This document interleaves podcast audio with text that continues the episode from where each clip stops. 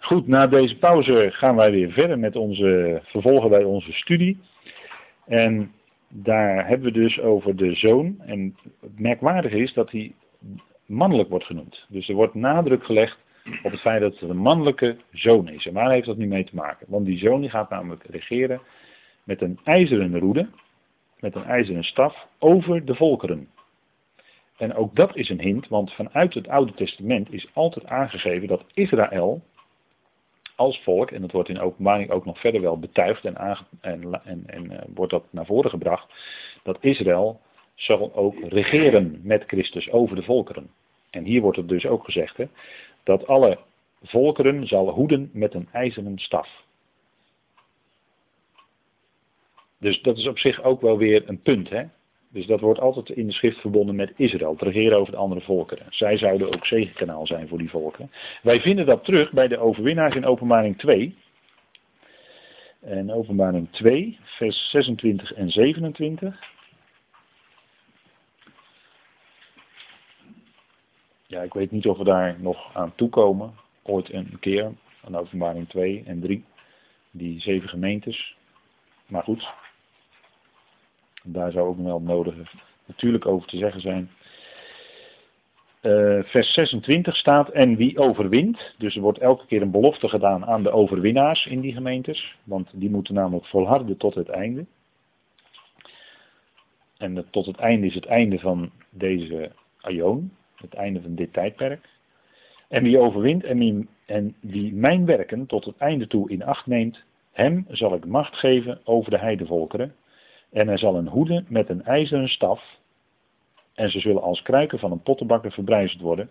Zoals ook ik van mijn vader heb ontvangen.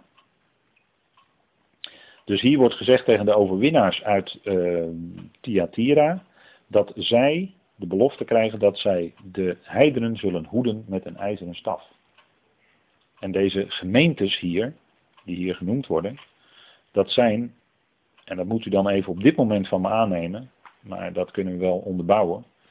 Maar dat zijn Joodse christengemeentes in de tijd van deze zeven jaar van Daniel. Joodse christengemeentes die ook letterlijk in deze steden zullen zijn. Want niet in alle steden van openbaring 2 en 3 die genoemd worden, is er ooit een gemeente geweest. Een christengemeente om het zo maar te zeggen. Maar dit zijn Joodse Messias beleidende christenen. En die, zullen, die gemeentes zullen er zijn in de tijd van die zeven jaar. Ook van die grote verdrukking. Nou, er worden allerlei dingen van gezegd. Die ze ook in verband brengen met Israël. Maar tegen de overwinnaars van die gemeentes worden altijd een belofte gegeven. En bij Thyatira wordt dus deze belofte gegeven. Dat zij dus de heidenen zullen regeren met een ijzeren staf. We hebben dus een aanwijzing, hè? Want dat wordt ook van die mannelijke zoon gezegd. In openbaring 12. Dus dan hebben we al een aanwijzing dat het daar mogelijk wel gaat om Israël, om gelovigen uit Israël. Dus dat is een eerste. Tweede, en dan komen we bij, terecht bij de zogenaamde, of nee, bij de echte 144.000. De zogenaamde, dat zijn Jehovah's dat moet ik helaas zeggen, maar dat is nou eenmaal zo. De echte 144.000 zijn 12.000 uit elke stam, van Israël namelijk. En ja, dat is jammer, maar de Joods-getuigen zijn daarin toch op een stuk, eh, die worden daarin, krijgen ontvangen toch een stuk verkeerd onderwijs daarin. En worden daardoor dus op het verkeerde been gezet. Nou, dat is eh, alleen maar triest. Maar uh, Joods-getuigen zijn natuurlijk niet de echte 144.000. Want zij kunnen niet aantonen uit welke stam zij komen. En deze 144.000 uit openbaring 7 kunnen dat wel. Want dat staat er ook bij, uit welke stam ze komen. Hè? Nou, dan zien we dus dat er 12.000 verzegeld worden, ook nog eens een keer, verzegeld. En dat is eigenlijk het tegenbeeld, die verzegeling aan hun voorhoofd, is natuurlijk het tegenbeeld wat in openbaring 13 staat. Dat iedereen een merkteken zal krijgen, op zijn rechterhand of op zijn voorhoofd, dus ook een zegel. En dan kun je alleen kopen en verkopen. En dat is natuurlijk het beeld of het merkteken van het beest, waarmee ze dus te kennen geven dat ze zich onderwerpen aan het beest en het beest ook aanbidden. Dan krijg je dat merkteken en dan kun je ook kopen en verkopen. Nou, het tegenbeeld van dat merkteken is dus deze verzegeling van die 144.000. En daar staan dus 12.000 eh, uit elke stam. En de stammen die niet genoemd worden zijn Dan en Ephraim. Bijvoorbeeld Jozef wordt wel genoemd, maar Ephraim niet. En voor de rest ziet u dan de stammen zoals die, de zonen van Jacob. En dan hebben we ook direct weer het verband met die vrouw, met die twaalf sterren. Want hier zien we dus twaalf stammen. En wordt ook verband gelegd met de zonen van Jacob. Die, zo worden die stammen natuurlijk genoemd. Dus we hebben sowieso dat verband alweer hier, door die twaalf, met volk Israël. Sowieso al, hè, dat die 144.000 alles te maken hebben met Israël. En even kijken hoor. Um, er staat dat wij in vers 3 van openbaring 7. Um, er staat, breng geen schade toe aan de aarde en ook niet aan de zee en de bomen, totdat wij de dienaren van onze God aan hun voorhoofd verzegeld hebben. Dus ze worden aan hun voorhoofd verzegeld, die 144.000. Dus die worden daar genoemd hè, als eerste en er worden ook de stammen erbij genoemd. Deze 144.000 worden later in de openbaring nog een keer genoemd, namelijk in de openbaring 14. Ook dat is denk ik wel bekend voor u, als u uh, openbaring wel eens leest. En dan staan zij op de berg Sion. En dat is misschien wel het eerste stukje wat dan bevrijd wordt uit de handen, of moet ik zeggen klauwen, van de draak. Op deze aarde. En er staat in openbaring 14 vers 1, en ik zag en zie, het lam stond op de berg Sion. En het lam, eigenlijk staat er in het Grieks een verkleinwoord. Eigenlijk moet je vertalen het lammetje, maar dat vinden wij zo raar klinken. Maar het staat er wel arnion. Dat is een verkleinwoord in het Grieks. Het lammetje. Dus, maar hij is wel degene die dan koning de koning en heren der heren blijkt te zijn. Dus uh, Johannes zag al in openbaring 4 en 5 het lam staande als geslacht. Maar dan wel uh, degene die de heerschappij in ontvangst zal nemen. De troon van het lam ziet hij dan. Dus troon, heerschappij. Dus we zien al waar het om draait. Hè. Maar het lam stond op de berg Sion en bij hem 144.000 met op hun voorhoofd de naam van zijn vader geschreven. Dus op hun voorhoofd verzegeld. Hè? Op de voorhoofd de naam van hun vader geschreven. En ik hoorde een geluid uit de hemel als geluid van vele wateren, als het geluid van zware donderslag. En ik hoorde het geluid van citerspelers die op hun citers spelen. En ze zongen als een nieuw lied voor de troon, voor de vier dieren en de oudsten. En niemand kon dat lied leren behalve de 144.000 die van de aarde gekocht waren. Zij zijn het die niet met vrouwen bevlekt zijn, want zij zijn maagden. Deze zijn het die het lam volgen waar het ook naartoe gaat. En deze zijn gekocht uit de mensen als eerstelingen voor God en het lam. En in hun mond is geen leugen gevonden, want ze zijn smetteloos voor de troon van God.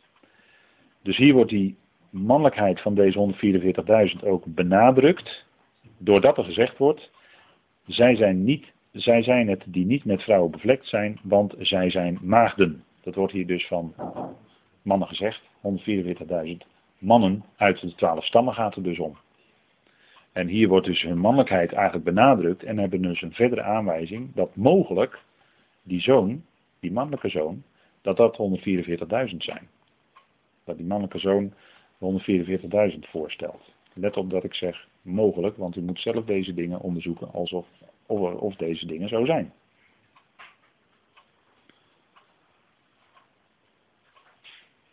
En dat is dus een tweede argument. Maar in ieder geval zien we dus ook daar weer in een verband met Israël. We zien nu dus diverse, die 144.000 is dus ook een aparte groep binnen het volk Israël. Een aparte groep die uh, genoemd wordt als degene die uh, getrouw zijn, zeg maar, aan het lam. Ze zullen op berg gezien worden met het lam, dus met Christus. Dus het zijn in ieder geval uh, getrouwen uit Israël, die God apart gezet heeft. En we zien dus die vrouw in openbaring 12, die dus een beeld is van Israël, maar dan inderdaad het getrouwe Israël. Want die vuurrode draak, die achtervolgt die vrouw en die wil niets liever dan die kind of die mannelijke zoon uh, ombrengen. Die wil niets liever dan dat vernietigen. Dus dat duidt er al op dat dat het trouwe Israël moet zijn. Want het ontrouwe Israël, waar we het net over hadden, dat zal juist een verbinding hebben met die draak. Dus dat zal zich juist verbinden met, op een of andere manier, met die draak. En zij zal dan ook dat beest besturen. Hè. Er staat ook dat zij zit op het beest. Dat betekent dat ze het beest bestuurt. Dus dat ze daar de leiding over heeft. Dat als je, als je een beest wil, eh, bijvoorbeeld een paard of een ezel of een, eh, wat dan ook. Nou, als je dan op de rug kan gaan zitten en de teugels in handen hebt, dan bestuur je dus dat beest. Dat, is, dat is ook de kunst bij rodeo. Blijf zitten waar je zit. En zorg dat je er niet afgegooid wordt. Nou, op het moment dat jij dat, dat, dat, dat, dat paard of zo overwint, nou, op dat moment heb je ook de besturing over dat beest of dat paard. Nou, dat is ook het beeld wat we dus zien in openbaring 17. Als het dus gaat om die andere tegenover die van openbaring 12. En dus, dus allebei een beeld van Israël. Het ene trouwe en het andere het ontrouwe Israël. Of het afvallige Israël. Nou, dat is eventjes wat hier tegenover elkaar staat. Dus, en in ieder geval zullen zij ook uh, een belangrijke functie vervullen in het plan wat God ontvouwt. En uh, er wordt ook van hen gezegd, ze zijn gekocht uit de mensen, die 144.000, als eerstelingen voor God en het lam. En in hun, in hun mond is geen leugen gevonden, want ze zijn smetteloos voor de troon van God. En de troon van God is uh, iets dat vanuit Israël over deze wereld, hè, troon van God wil zeggen heerschappij van God. En dat zal vanuit Israël over deze wereld komen. En ze worden dan ook gezien op de berg Sion. En ik geloof dat dat letterlijk is. Want er is een berg Sion natuurlijk bij Jeruzalem. Waarom niet? Zij worden gezien als staande op de berg Sion. En dan wordt in vers 5 gezegd dat zij zijn voor de troon van God. Dat is dus de berg Sion. Dat heeft iets te maken dus met Jeruzalem kennelijk.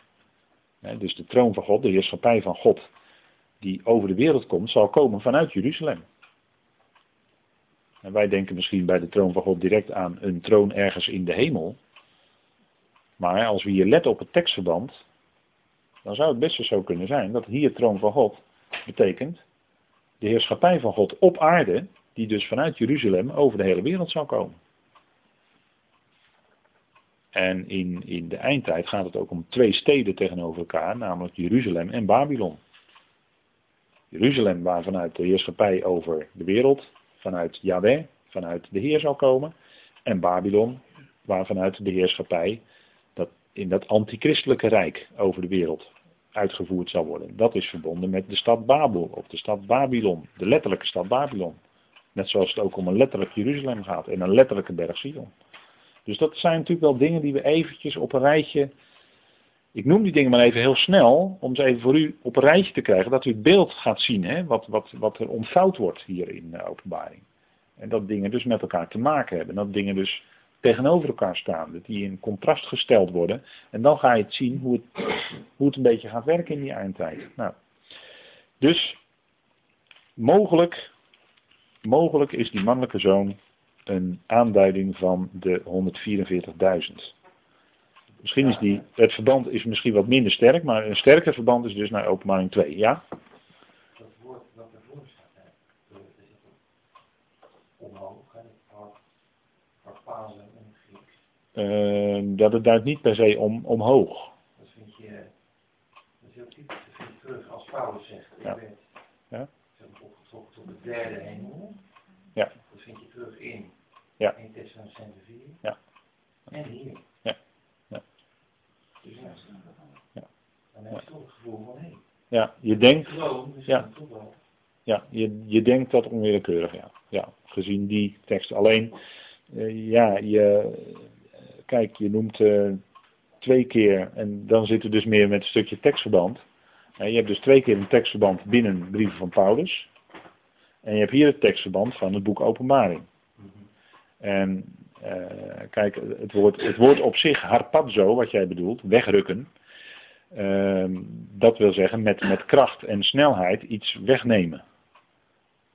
Eh, en dan moet je in de context gaan kijken waar dat naartoe is. Nou, bij Paulus is dat denk ik duidelijk en bij de wegrukking van de gemeente ook, omdat daar duidelijk aangegeven wordt tot de Heer in de lucht, hè, dus van de aarde in de lucht, dat kan niet anders. En hier staat er naar God en naar zijn troon. Maar dan is nog even de vraag waar het dan precies is. We zijn heel snel geneigd te denken dat is ook de hemel. Maar we hebben het net al gezien bij het, openbaring 14. Dat je dus toch even goed moet kijken in het tekstverband. Als er dan aan de ene kant gezegd wordt dat die 144.000 staan op de berg Sion. En aan de andere kant voor God en zijn troon staan. Dan moet je toch even je afvragen van hé, hey, hoe zit dat? Hoe, uh, puur geografisch gezien. Ja, dus ik ben altijd heel voorzichtig met, met je moet uh, inderdaad tekst met, schrift met schrift vergelijken, heel goed. Uh, dat, dat is een van de belangrijkste dingen. maar wel altijd in de context. Het tekstverband, een tekstverband is het belangrijkste, eerste gegeven waardoor je moet uitleggen. En daarna heb je ook nog schrift met schrift vergelijken. Dat, dat is een tweede, ook heel belangrijk. Maar het, tekstverband, het directe tekstverband is het meest belangrijke om iets te bekijken. Wat betekent het in dat tekstverband? Want het kan variëren. Dat kan gewoon divergeren in binnen de schrift. Dus, dus vandaar. Dus uh, vanuit heel voorzichtig uh, proberen erachter te komen uh, wie precies die mannelijke zoon is. En ja, goed, alleen maar door onderzoeken van de schriften uh, ja, kunnen we daar heel voorzichtig stapje voor stapje wat verder in komen. En zo wil ik het ook zien eigenlijk hoor. Niet van, uh, ja, eh, er wordt anders over gedacht, dat weet ik wel. Maar het gaat echt niet om andere gedachten te bestrijden. Of andere, anderen die er anders over denken onderuit halen of wat dan ook. Daar heeft helemaal niets mee te maken. We willen gewoon zorgvuldig kijken wat staat er en wat heeft dat voor betekenis. Dus goed, nou in ieder geval denk ik dat we een paar aanwijzingen hebben, waarvan, nou, ja goed, naar mijn stellige overtuiging op dit moment, ik denk dat het toch heel duidelijk te maken heeft met een, groep gelovigen, aparte groep uit Israël. Dat gezien, gezien het tekstverband hier. En uh, we zien hier ook dat dan in vers 6 de vrouw vluchtte naar de woestijn. Dus zij moest vluchten voor die draak, want die zit achter eraan. Die wil haar het liefst vernietigen. En de vrouw vluchtte naar de woestijn waar zij, of de wildernis, waar zij een plaats had die door God gereed, gereed gemaakt was, opdat men haar daar zou voeden 1260 dagen. En die 1260 dagen, dat is hoogstwaarschijnlijk de tweede helft van de laatste week van Daniel. Want die wordt nadrukkelijk in de schrift in twee helften verdeeld. Twee helften van 3,5 jaar hebben we al gezien met elkaar natuurlijk. En als we dus nu aanduidingen gaan vinden van 1260 dagen, maar we vinden er ook een bijvoorbeeld van 42 maanden, dan moeten we kijken in welk deel van die zeven, van die jaarweek we dan zitten. Nou, hier lijkt het erop dat het heel duidelijk te maken heeft met die tweede helft van die laatste zeven. 1260 dagen. Daar wordt zij bewaard dan stellen wij de vraag aan de tekst, waar wordt zij bewaard? En dan staat er in de woestijn, in de wildernis. En dan zegt u, ja, dan weet ik nog niks. Want ja, waar is dat dan? Nou, goed, dan uh, een bekende, Petra noem ik maar weer. Uh, daar heb ik vorige keer ook over gehad. Petra in Jordanië, die rotsstad in het zuiden, daar zou men naartoe kunnen vluchten. Is in het verleden ook alles gebeurd. En daar zou het heel goed kunnen dat inderdaad dit gelovig overblijfsel, om het zo maar te zeggen, van Israël bewaard zal worden. Dat zou kunnen. Het is daar wel een ideale plek om te schuilen. in die, rot, die, die stad in de rotsen uitgehouden. En dan eh, is het ook een hele mooie symboliek, want dan zijn ze ook letterlijk in de rots. Vind ik eigenlijk wel een mooie symboliek. Maar goed, dat, dat is alleen maar mooi en dat is niet een bewijs. Maar 1260 dagen zal zij daar bewaard worden. En uh, dat is in die tijd waarin de tegenwerker enorme verdrukking zal brengen over deze aarde en in bijzonder over de Joden. In het bijzonder over de Joden. Daar zal natuurlijk het antisemitisme zal geen weerga kennen in die tijd. En uh, hoe weten we dat het misschien de tweede helft is? Omdat de Heer Jezus, die heeft gezegd, als je ziet dat het beeld van de beest opgericht wordt, waarvan gesproken is door Daniel de profeet, maak dat je wegkomt. Zullen we nog even met elkaar lezen, dat vers, een welbekend vers, Matthäus 24. Matthäus 24.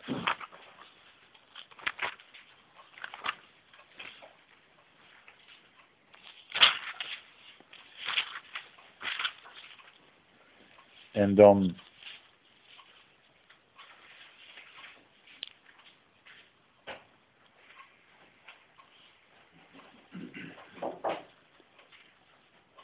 vers 15. Wanneer u dan de gruwel van de verwoesting, waarvan gesproken is door Daniel de profeet, zult zien staan op of in de heilige plaats, laat hij die het leest daarop letten. Laten dan, staat heel duidelijk dan, hè, dan zij die in Judea zijn, vluchten naar de bergen. Wie op het dak is, moet niet naar beneden gaan om iets uit zijn huis te halen. Wie op de akker is, moet niet terugkeren wat, naar wat hij achterliet om zijn kleren te halen. Maar wee de zwangeren en de zogenen in die dagen, bid dat uw vlucht niet zal plaatsvinden in de winter en ook niet op een sabbat. Want dan, dus op het moment dat die gruwel van de verwoesting wordt opgericht, waarvan gesproken is door Daniel de profeet, er staat opnieuw, want dan, vers 21, zal er een grote verdrukking zijn zoals er niet geweest is vanaf het begin van de wereld tot nu toe en er ook nooit meer zijn zal. En als die dagen niet ingekort werden, zou er geen vlees behouden worden, maar ter wille van de uitverkorenen zullen die dagen ingekort worden. En we zien hier dus dat dan die grote verdrukking begint. Dus als dat beeld van het beest wordt opgericht, waarvan gesproken is door Daniel de profeet, dan begint die grote verdrukking. Vandaar dat ze ook moeten vluchten naar de bergen, naar de woestijn, naar als u mij vraagt, Petra wordt in de schrift ook wel aangeduid als Sela, Sela, waar zij door de Heer bewaard zullen worden, 3,5 jaar lang, oftewel 1260 dagen, staat in de openbaring. En in vers 22 staat hier, als die dagen niet ingekort werden. Nou, die dagen zijn ingekort tot 1260 dagen. Als het langer zou duren, zou het niet goed aflopen.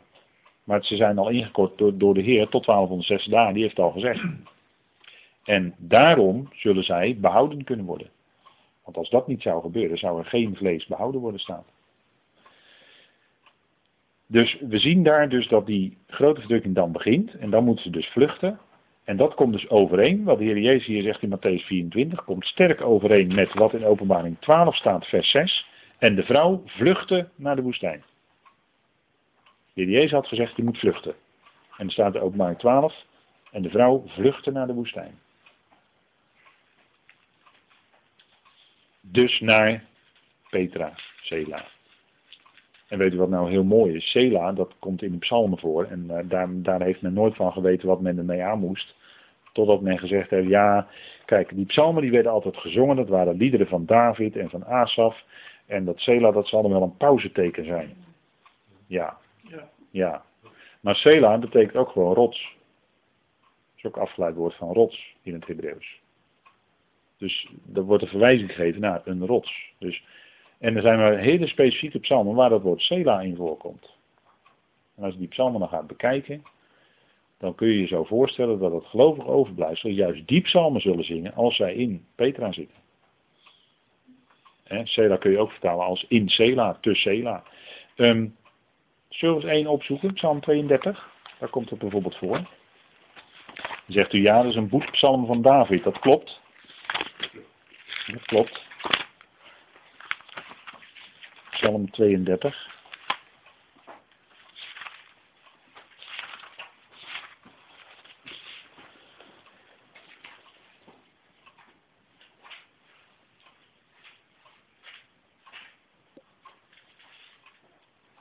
Ik geef maar even maar één strofe ervan. Vanaf vers 6. Dan hebben we net het betekent Sela. Hè, staat dan tussen vers 5 en vers 6. En dan staat er in vers 6. Daarom zal iedere heilige tot u bidden. Ten tijde dat u zich laat vinden. Nou, reken maar dat de Heer zich laat vinden hoor, als zij daar zitten. Voorzeker, een overstroming van machtige wateren zal hem niet bereiken. U bent mijn schuilplaats hey, hier wordt gesproken over een schuilplaats. U bent mijn schuilplaats. Dus de Heer bewaart ze daar in zijn schuilplaats. U beschermt mij voor benauwdheid. En we leven dan in de benauwdheid van Jacob. U beschermt mij voor de benauwdheid. Dus u kunt zich zo voorstellen dat dit een gebed is wat het gelovig overblijft, want daar bidt. U omringt mij met vrolijke gezangen van bevrijding.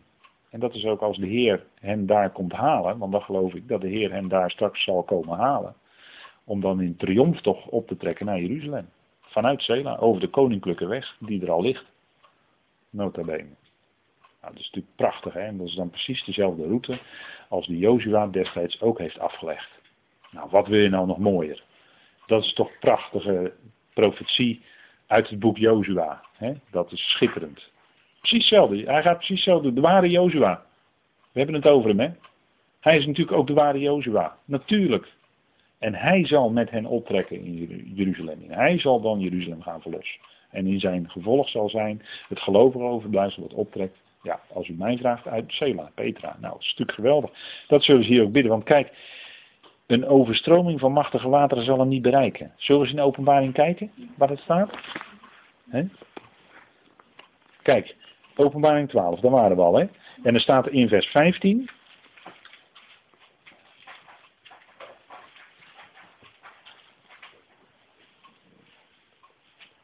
Of vers 14, nog beter. Vers 13. We gaan nog even terug. Vers 13. En zodra de draak zag dat hij op de aarde was neergeworpen, ging hij de vrouw vervolgen die het mannelijke kind gebaard had. Ziet u het? Hier wordt over hetzelfde gesproken als in het eerste deel van openbaring 12. Hè? En aan de vrouw werden twee vleugels van een grote arend gegeven, opdat ze naar de woestijn zou vliegen. Met andere woorden, dat is symboliek hè, voor een vlucht naar de woestijn. Naar haar plaats waar zij gevoed wordt, een tijd, tijden en een halve tijd, buiten het gezicht van de slang. We zagen net dat dat 1260 dagen is. Dat is precies hetzelfde, alleen op een andere manier gezegd. En de slang spuurde uit zijn bek water als een rivier, de vrouw achterna, om haar door de rivier te laten meesleuren. Maar de aarde kwam de vrouw te hulp en de aarde opende haar mond en verzwolg de rivier die de draak uit zijn bek had gespuwd. Want die is wel tot iets in staat hoor, die draak. Ook niet onderschatten. Goed, u ziet dus een water wordt achter die vrouw aangeworpen, maar de aarde komt haar te hulp, verzwelgt het water en die vrouw wordt gered. En die gaat dus naar Petra, Sela, daar is ze in veiligheid. En wat lezen we in Psalm 32? Voorzeker een overstroming van machtige wateren zal hem niet bereiken. Dan zegt u, nou, dat is toch wel wat. Dat het dan toch in die psalmen zo al eigenlijk bedekt profetisch staat aangegeven. Toch wonderlijk hè, dat het in zo'n Sela-psalm staat. En dan zegt de Heer nog in vers 8 van psalm 32, en dan is er weer dat Sela geweest. Ik onderwijs u en leer u de weg die u moet gaan. Ik geef raad, mijn oog is op u. Nou, wat is er nou een heerlijke belofte dat zij dat daar bewaard zullen worden. Als hij zelf tegen hen zegt, de Heer zelf, mijn oog is op u. En ik zal u de weg wijzen. Dat zal hij ook gaan doen. Aan het eind van die jaarweek, als hij met hen optrekt naar Jeruzalem, dan zal hij hen de weg wijzen. En mijn oog is op u. Dat is geweldig, hè? En dat is dan een toepassing van deze psalm. En er zijn er nog wel meer. Maar dan zien we hoe de schrift gelaagd is. Hè? Dat er verschillende lagen, dat je als je doorsteekt in de diepte, dat je dan verschillende lagen aantreft. Dus we zien hier hoe de Heer zelf hier die vrouw bewaart voor de draak. Namelijk de aarde opent haar mond en dat water, dat gaat de aarde in, in plaats van dat het die vrouw ombrengt. En zo bewaart de Heer zijn gelovige overblijfsel in die tijd. In die grote verdrukking die genoemd wordt, let op, de benauwdheid van Jacob. Dus het moet met Israël te maken hebben. Ook dat weer, hè? Benauwdheid van Jacob. Grote verdrukking over Israël. Dus het moet met Israël te maken hebben, dat kan niet anders. En zo zullen we zien, steeds weer, dat die dingen bevestigd worden. je, we gaan straks steeds meer in de loop van de tijd steeds meer bouwstenen zien hoe deze dingen bevestigd worden. En, en dat is heel mooi als je dan de schriften op elkaar ziet aansluiten. Eh, Goed, nou, we gaan dan even terug naar openbaring 12.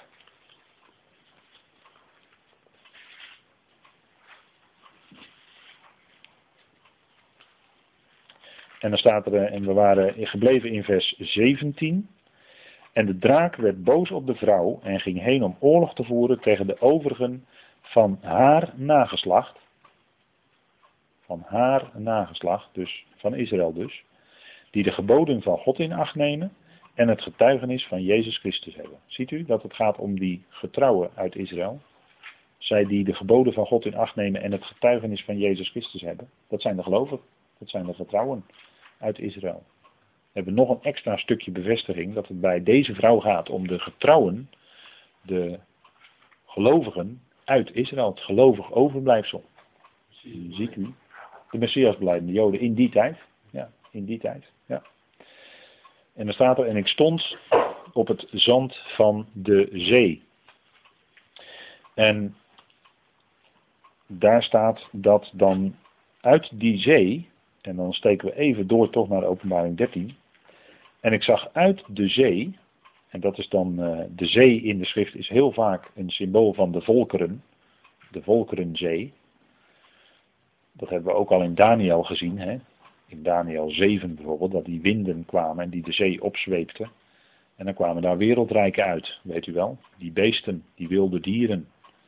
Daar gaat het hier ook om. En dat is niets anders dan wat we in Daniel eigenlijk ook al lazen. En ik zag uit de zee een wild beest opkomen.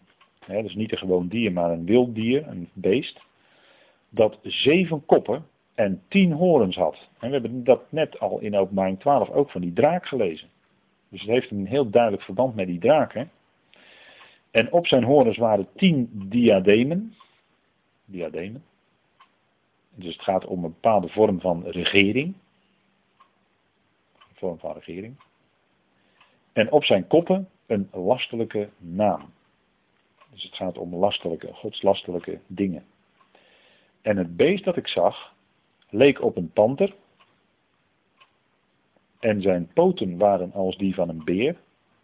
En zijn muil was als de muil van een leeuw. En dan zien we dus dezelfde symboliek in dieren kenmerken aangegeven die we ook in Daniel al gezien hebben. In Daniel 7 met name, waar het ook ging om die wilde dieren. En we hebben gezien dat daar ook een sterke religieuze kant aan zat. En even op herhaling, we zitten hier in het tempelgedeelte van openbaring. En bij tempel gaat het om aanbidding, om religie. Het tempelgedeelte begint aan het eind van hoofdstuk 11. En dat is dat, dat eind van hoofdstuk 11 sluit dus het troongedeelte, het regeringsgedeelte, het troongedeelte af van de openbaring.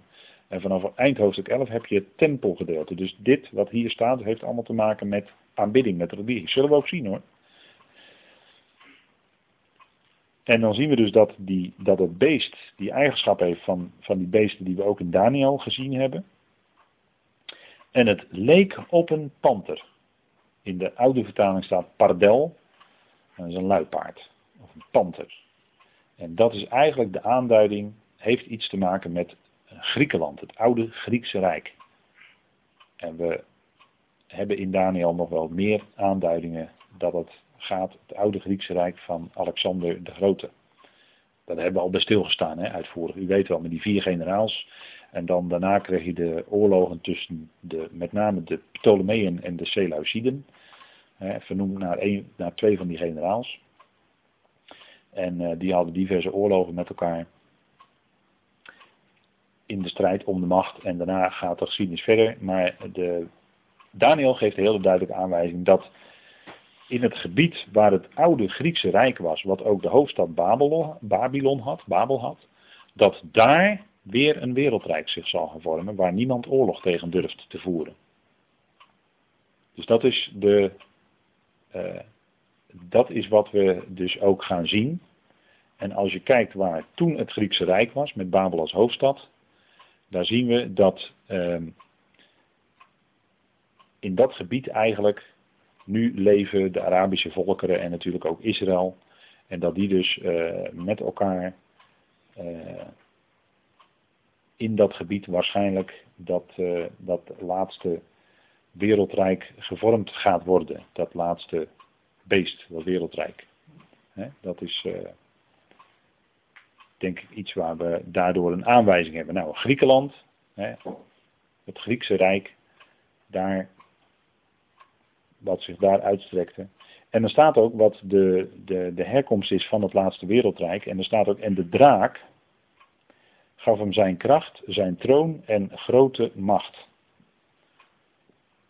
En dan dat een van zijn kop als dodelijk gewond was, maar dat die dodelijke wond werd genezen. Nou, die dodelijke wond wordt genezen. En uh, daarin zien we dus dat uh, iets gebeuren waardoor de hele aarde dat beest met verwondering achterna gaat. En het gaat om religie, het gaat om aanbidding. En er staat, en zij aanbaden de draak, omdat hij aan het beest macht gegeven had. En zij aanbaden het beest en zeiden, wie is aan dit beest gelijk?